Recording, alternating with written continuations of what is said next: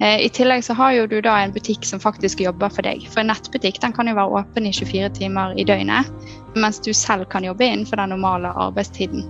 Og bare det i seg selv er jo ganske fantastisk, og du når kundene på det kjøpstidspunktet som kundene selv ønsker. Så for så kan jo du ha en kunde som faktisk har vært innom butikken din, var ikke helt sikker, og så endte de opp med å ikke kjøpe den varen og dra hjem.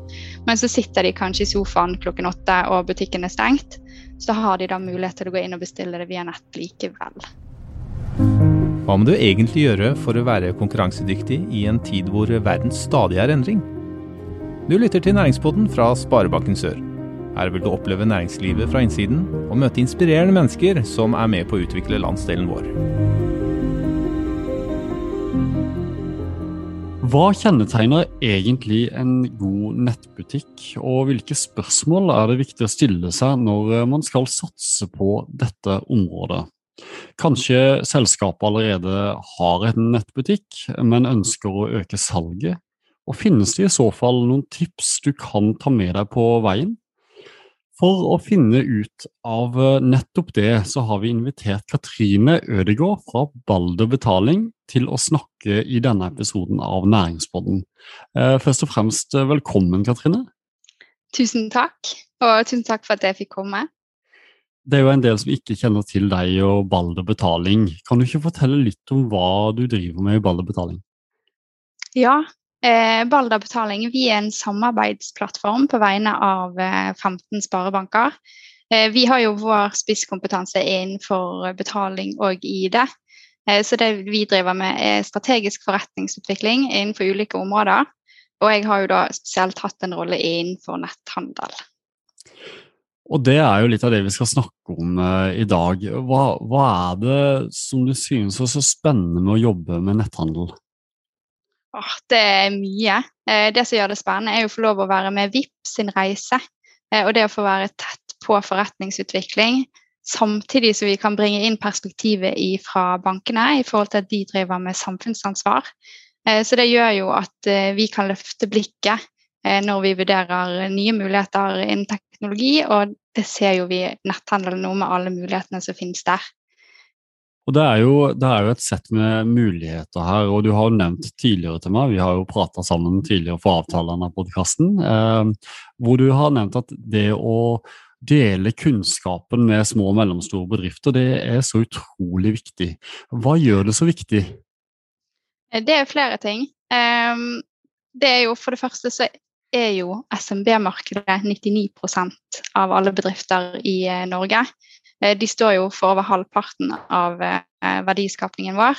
Eh, og spesielt for oss da, så ser vi at varehandel, som òg har vært sterkt påvirket av korona, både positivt og negativt, blir jo truffet av netthandel nå. At vi har mange fysiske butikker som holder på eller har gått over til å bli nettbutikker. Og gjerne i tillegg til da å selvfølgelig holde på den butikken de har i dag for min oppgave, eller det jeg har gjort de siste tre årene, det er jo rett og slett å følge med i utviklingen i uh, netthandelsmarkedet. Uh, og jeg ser jo at Digitaliseringen innenfor det byr på noen fantastiske muligheter, men her må SMB-markedet henge med i svingene.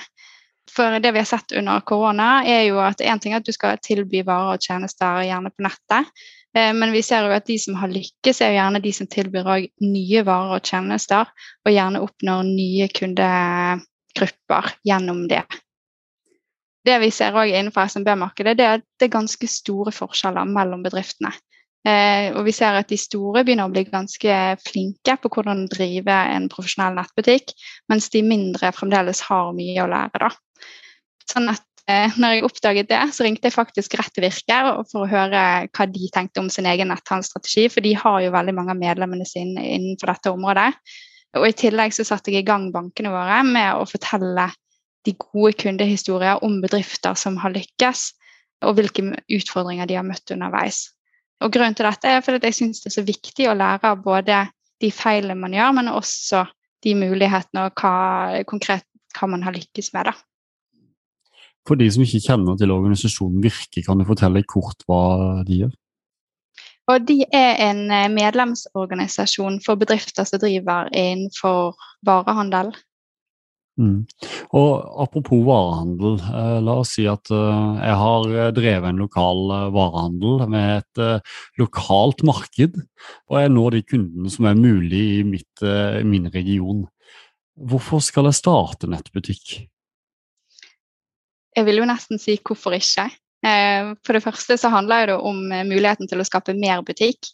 Altså Ved å etablere en nettbutikk så får du et større marked det vi ser, er at eh, lokale bedrifter får gjerne så mye som 60-70 eh, av kundemassen kommer plutselig fra Norge, ikke bare fra lokalmiljøet. Eh, I tillegg så har du da en butikk som faktisk jobber for deg. For en nettbutikk den kan jo være åpen i 24 timer i døgnet, mens du selv kan jobbe innenfor den normale arbeidstiden. Og Bare det i seg selv er jo ganske fantastisk, og du når kundene på det kjøpstidspunktet som kundene selv ønsker. Så for så kan du ha en kunde som faktisk har vært innom butikken din, var ikke helt sikker, og så endte de opp med å ikke kjøpe den varen og dro hjem. Men så sitter de kanskje i sofaen klokken åtte, og butikken er stengt. Så har de da mulighet til å gå inn og bestille det via nett likevel. Eh, og så vil jeg si at eh, En annen grunn til å starte nettbutikk er nettopp for å hente inn kundeinnsikt om kundene dine. Altså hvordan bruker de varene og tjenestene dine, hvordan skal du tilby nye varer og tjenester. Det gir deg en mulighet til å prøve og feile, for det koster så lite når du driver en nettbutikk. Altså for eksempel, eh, så vet jeg at mange driver og tester hvilke tilbud de skal kjøre, eh, om det slår an hos eh, de ulike kundene. og Gjerne dette her med å vite f.eks. om du har to produkter som typisk kjøpes sammen, så kan de f.eks. bøndle det inn i et spesialtilbud. Har du et eksempel på, eller noen eksempler på virksomheter som har eh, lykkes med netthandel? da? Ja, der har jo vi flere. Vi har jo som sagt jobbet fram disse gode kundehistoriene. Så jeg kan jo presentere litt ulike typer kunder. Eh, vi jo, vi har en kunde som heter Trudes hudpleie eh, som egentlig ikke hadde tenkt å drive netthandel fordi hun synes at eh, det var for mye å sette seg inn i. Hun opplevde at hverdagen var så travel at dette hadde hun faktisk ikke tid til. Men når korona kom, så eh, istedenfor å permittere seg selv, så begynte hun å utforske mulighetene innenfor netthandel. Og etter, endte da med å etablere denne nettbutikken og selge da sine varer og tjenester via denne. Så resultatet for det faktisk nå, det er at hun har over 70% vekst. Hun har kunder over hele landet, og hun skal faktisk til å ansette flere folk. Det er jo spennende. og, og uh, Trudes hudpleie er jo kanskje en av eh, flere caser dere har. Uh, men, men når du nevnte det at Trude hun, hun sa jo sjøl at det å gå i gang med det, hun trodde ikke hun hadde kapasitet og tid, og det å, å sette seg inn i det. Men har du inntrykk av hva som eh, er de største utfordringene man møter når man skal i gang med dette arbeidet? Ja, det er jo rett og slett eh, valgmulighetene du står overfor det du har tenkt å drive nettbutikk. I dag har jo du veldig mange ulike eh, typer partnere du kan velge, eller du kan òg velge å utvikle nettbutikken selv. Og så er det dette her med å velge rett og slett hvordan det skal se ut, hvordan eh, du skal tilby varer og tjenester ut til kundegruppen din. da. Mm. Men eh, det, kan du si noe om hva er de vanligste feilene man gjør eh, når man skal egentlig i gang med dette arbeidet, eller kanskje har begynt og ser at det var Jeg skulle kanskje tatt et annet valg akkurat der? Det vil jeg faktisk si er at man snakker med en god venn. Eh, er det våre undersøkelser viser. Og med det mener jeg rett og slett at pga. at valget er så overveldende, så velger vel eh, mange å snakke med andre de kjenner, som har etablert en nettbutikk, egentlig uten å tenke over om den nettbutikken er god eller ikke. Um, og da blir det kanskje ikke det som er det som kan være en god løsning for naboene, er kanskje ikke en god løsning for deg. Um, så min anbefaling er jo at disse bedriftene som velger å etablere en nettbutikk, at de gjerne kan se seg litt rundt på nettet, finne en eh, nettbutikk de selv syns er god, eller som de kan eh, bruke til å få inspirasjon til å etablere sin egen eh, nettbutikk. Og Da er det gjerne å tenke gjennom hvorfor akkurat den nettbutikken, hvorfor akkurat du syns at den nettbutikken er bra. da. Mm. Og det kan jo være eh, informasjon, måten han ser ut på, eller andre ting. har du noe inntrykk av uh, om det er mange bedrifter i SMB-markedet som fortsatt uh, Eller som ikke har starta nettbutikk ennå? Jeg tror jo fremdeles at det er en del.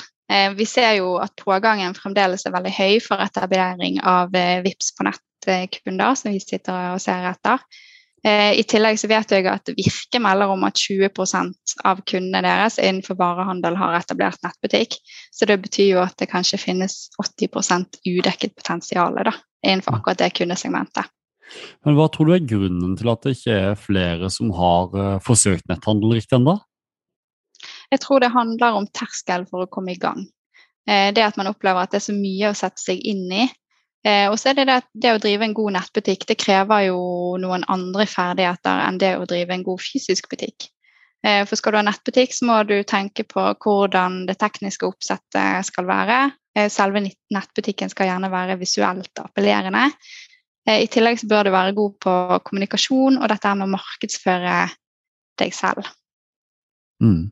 Og La oss ta et eksempel. da. Eh, jeg vil eh, starte en eh, nettbutikk, men jeg har ikke så veldig mange ressurser. Mm. Hva gjør jeg? Det er et veldig godt spørsmål, og det er jo det spørsmålet veldig mange bedrifter står overfor. Det handler jo først og fremst om å orientere seg om det markedet du har tenkt å drive innenfor. Og å velge da en løsning som er tilpasset dette. Eh, skal du levere en løsning som krever høy fleksibilitet, at du ser at eh, andre f.eks. tilsvarende nettbutikker eh, har mange valgmuligheter, så bør du òg ha det. Er det en, en, type vare eller tjeneste hvor det er viktig å ha, holde det enkelt, så gjør du det. Og det positive her er jo at for SMB-bedrifter at du trenger ikke gjøre alt selv. Man har jo så mange muligheter til å kunne outsource deler av aktivitetene. Sånn, det første jeg ville gjort, det var å tenke på hva er du flink til? Hva er dine ansatte flink til? Eh, og så bruke ressurser eksternt som er flink på det vi kaller for komplementære tjenester. Da. Så hvis f.eks. du ikke er så teknisk av deg, som veldig mange opplever at det ikke er, så kan du få en partner til å hjelpe deg med å sette opp nettbutikken og, og gjøre en rådgivning rundt ok, gitt disse varene og tjenestene du har tenkt å selge, mm. hva vil lønne seg mest for deg? Og steg to ville jo da kanskje vært å se om du har kompetanse eh, internt på markedsføring, og hvis ikke, at du da synliggjør det at du har etablert nettbutikk i samarbeid med noen andre. Mm. Uh, du nevnte jo det med samarbeidspartner rundt plattformen. Har du noen eksempler på uh, gode plattformer der ute som mange bruker, eller? Eh, ja, vi vet at veldig mange som har eh, mindre bedrifter som skal ha et enkelt oppsett, de bruker jo f.eks. noe som heter 24 nettbutikk. Og skal du ha mer valgmuligheter og litt større kall det datagrunnlag om kundene dine, så velger du kanskje en partner som heter MyStore. Eh, og hvis du virkelig ønsker å satse på det tekniske, så etablerer du gjerne plattformen selv da, og betaler for det. Mm. Men, eh, men, la oss si at jeg driver i dag ganske godt allerede og har godt med ressurser. Eh, og har, lyst til, har egentlig ikke jobba nok med å digitalisere bedriften min. Nå er jeg i ferd med å ville satse på netthandel, men jeg har lyst til å ansette nye eh, ressurser i selskapet for å gjøre den jobben best mulig. Hvor starter man å søke, og hva slags roller trenger man? Der trenger jo du flere ulike roller. Eh, igjen så handler jo dette om å finne ut altså, hva du er god på, og hva kan andre gjøre. Eh, så for netthandel så tenker jeg for det første altså det å jobbe analytisk og teknisk eh, og forstå brukermønsteret til kundene dine for å kunne skape en business av det. Altså forstå hvordan beveger kundene seg inne på nettsiden din? Hvilke sider fungerer godt? Er det noen sider du trenger forbedring på? Og hvordan er den totale brukeropplevelsen inne på nettsiden? Når du har en nettbutikk, så har du faktisk mulighet til å analysere dette fordi du hele tiden får tall, f.eks. via Google Analytics. Eh, sånn at da kan en eh, kyndig person gå inn og se. Eh, og f.eks. hvis du finner ut at noen kunder typisk faller av idet de skal logge inn, så vet du at da må du gå inn og løse akkurat den utfordringen der for å sikre at kundene fortsetter å være inne på nettsiden din. Mm. Så noen teknikere med analytiske egenskaper er egentlig det første du vil se etter? ja, hvis du ikke har det internt allerede. Mm. Eh, og det andre er jo å ha noen som kan være god på salg gjennom eh, digitale kanaler og markedsføring. Eh, og der ser vi f.eks. at det er jo ganske mange nye stillinger nå knyttet til SEO, som eh, handler om dette med søkemotoroptimalisering og det å drive god innholdsproduksjon. Mm. Katrine, om du skulle starta din egen nettbutikk i dag med din kompetanse, eh, hvor hadde du starta? Det første jeg hadde gjort, det var å sette opp en eh, god forretningsmodell. Eh, og med det så mener jeg at eh, du må ha et eh, godt verdiforslag. Altså hvorfor skal mine kunder kjøpe mine produkter? Det er jo det verdiforslaget man må kunne vise til. Og så er det å finne konkrete kundesegment. Sant? Altså hvem er mine kunder? Er det en typisk mann 30 som spiller golf, eller vil det være dame 50 som strikker? Det er jo noe jeg må ha en konkret formening om, da. Fordi at når jeg vet hvem som er kundene mine, så kan jeg òg ta stilling til i hvilke kanaler skal jeg være tilgjengelig. Og sånn som vi ser nå? Det kan være å ha en fysisk butikk, det kan være en nettbutikk, og så skal det være hvordan du eh, markedsfører deg på nettet. Sant? Skal jeg f.eks. bruke Instagram, skal jeg bruke LinkedIn? Og dette vil jo jeg finne ut av når jeg vet hvem som er kundene mine. Og når jeg har svart på det, så vil jeg òg tatt stilling til sant? har jeg mulighet til å gjøre alt selv, eller eh, må jeg eh, samarbeide med noen partnere.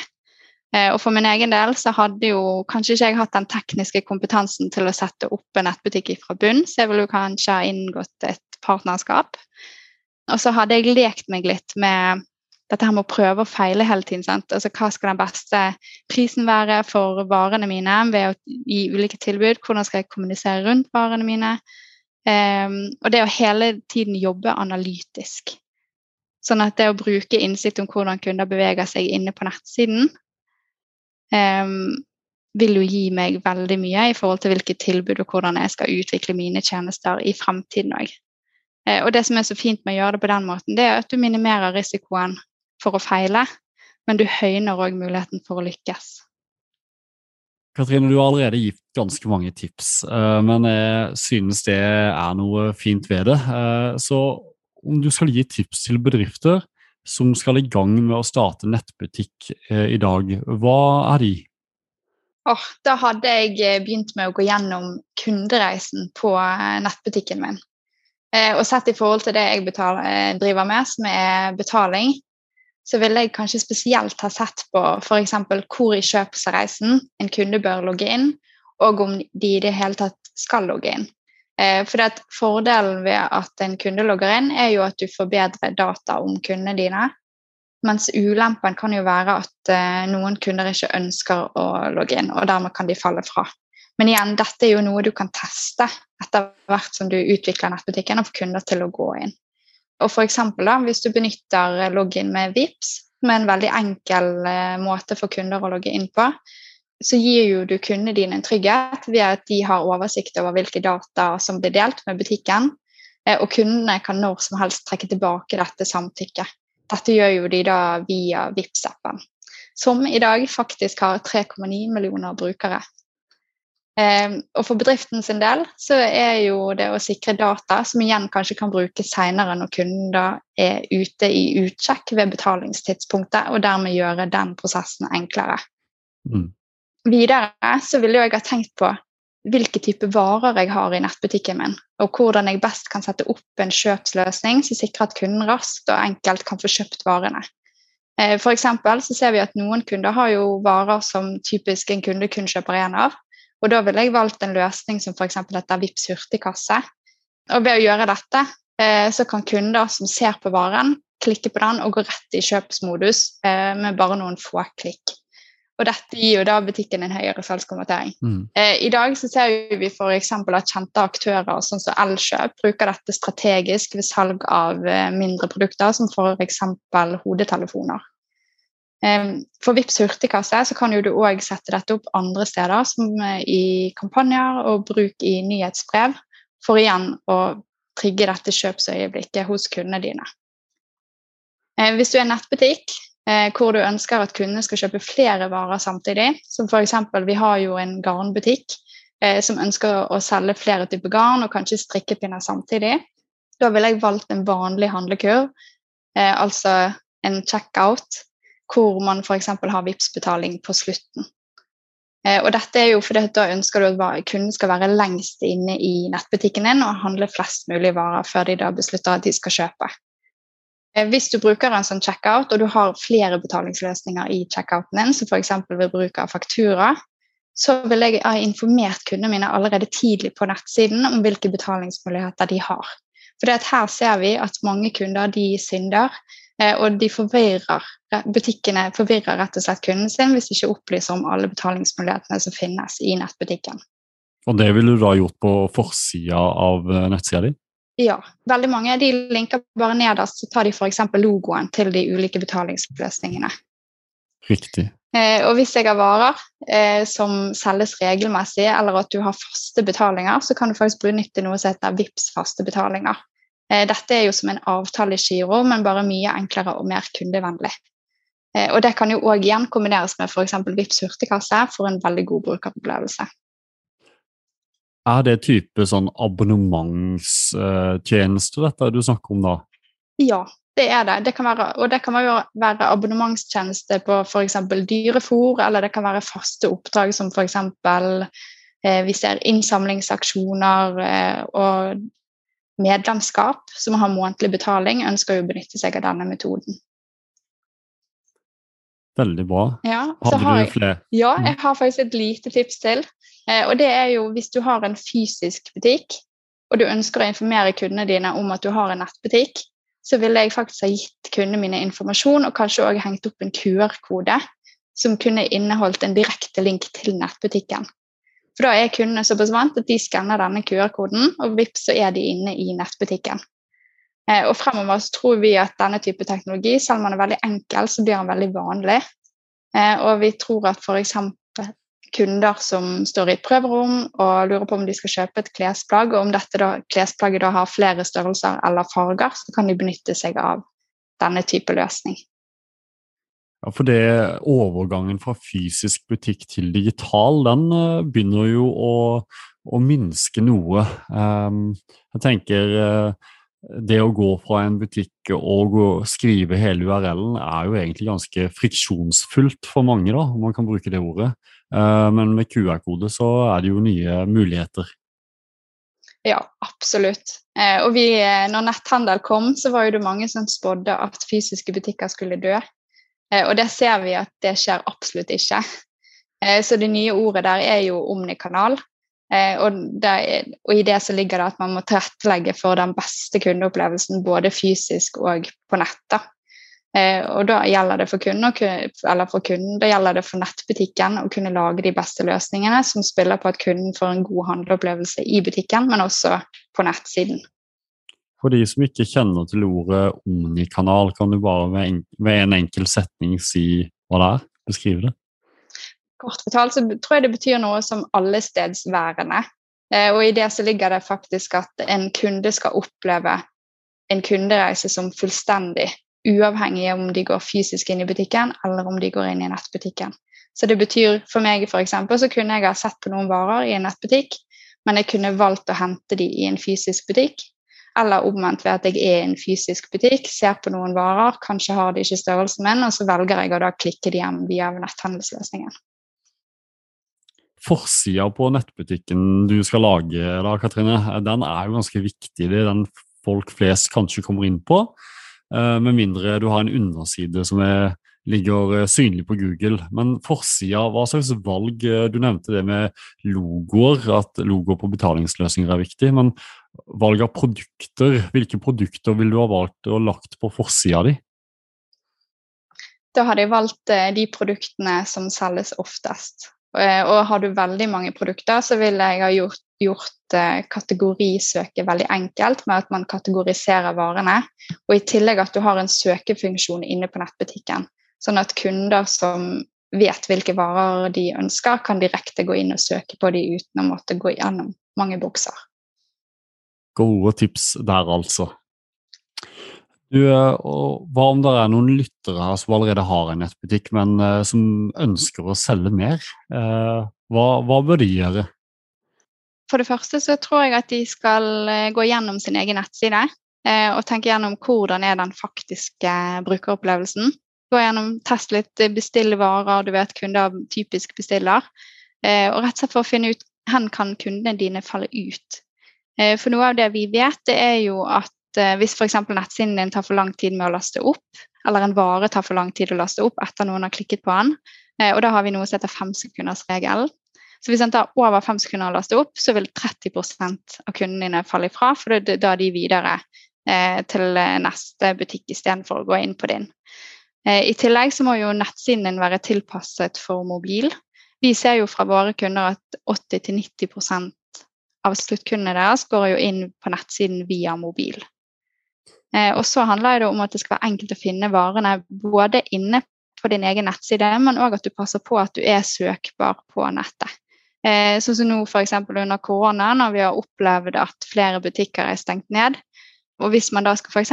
søke etter konkret skopar, så er det viktig at nettopp de lokale bedriftene òg gjør det mulig at du finner de skoene hos de lokale. Eh, og da tror jeg òg at du vil ha mye å hente på at det er jo mange som ønsker å kjøpe lokalt hvis de ser at det er mulig. Akkurat det der eh, ene du tar opp der med mobiltilpassa, det er litt fort å gå uh, gå på en smell på, har jeg opplevd sjøl. For man sitter jo gjerne og jobber med nettsidene på en PC og en større skjerm, og så ender det egentlig opp med at brukeren ser det på en helt annen måte. Ja, ja og så har jeg en ting til, og det er jo at um, du må jo selvfølgelig velge en betalingsløsning som er friksjonsfri for kunden din. Eh, og det handler jo om å både faktisk informere om hvilke betalingsløsninger du har, tidlig på nettsiden. Der ser jeg veldig mange venter på en måte til du kommer helt til betalingsvinduet. Eh, mens bedrifter som opplyser om det gjerne på forsiden, skaper jo en egen tillit til kundene, og kundene vet da at de kan velge sin prefererte løsning. Vi ser jo òg at ganske mange kunder faller fra hvis du f.eks. krever at man må legge inn kortnummer, fordi at du sitter gjerne hjemme i sofaen din og skal bestille noe, mens kortet ligger i en jakke ute i gangen. Til sist så ville jeg òg ha opplyst om frakt og informert om hvor varen befinner seg underveis.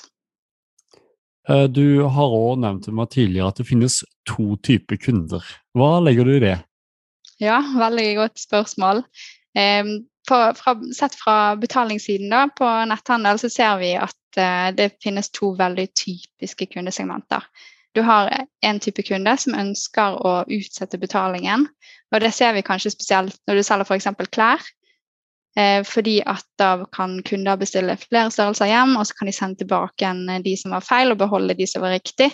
Og mens du da utsetter betalingen, så får du muligheten til å få den riktige regningen. Eh, og så har vi et annet kundesement hvor det er veldig viktig å få betalt med én gang. Da skal betalingen være friksjonsfri, og kunden ønsker å vite at alt er oppgjort. De trenger ikke tenke på at det skal komme en eller annen faktura seinere. Eh, og de syns det er veldig befriende å betale på den måten. Og det er jo en typisk kunde som er veldig glad i f.eks. VIPS på nett. Om vi da er inne på VIPS, da, så leverer de egentlig til begge deler, er det så å forstå? eller? Eh, foreløpig så har eh, VIPS den hurtigmåten å betale på. Og så får vi se på sikt hva som kommer. Et lite påskeegg der, altså. Ja. Så bra. Men du, eh, her har vi fått mye nyttige tips og innhold på en liten halvtime. Så jeg vil bare egentlig takke deg for en hyggelig prat.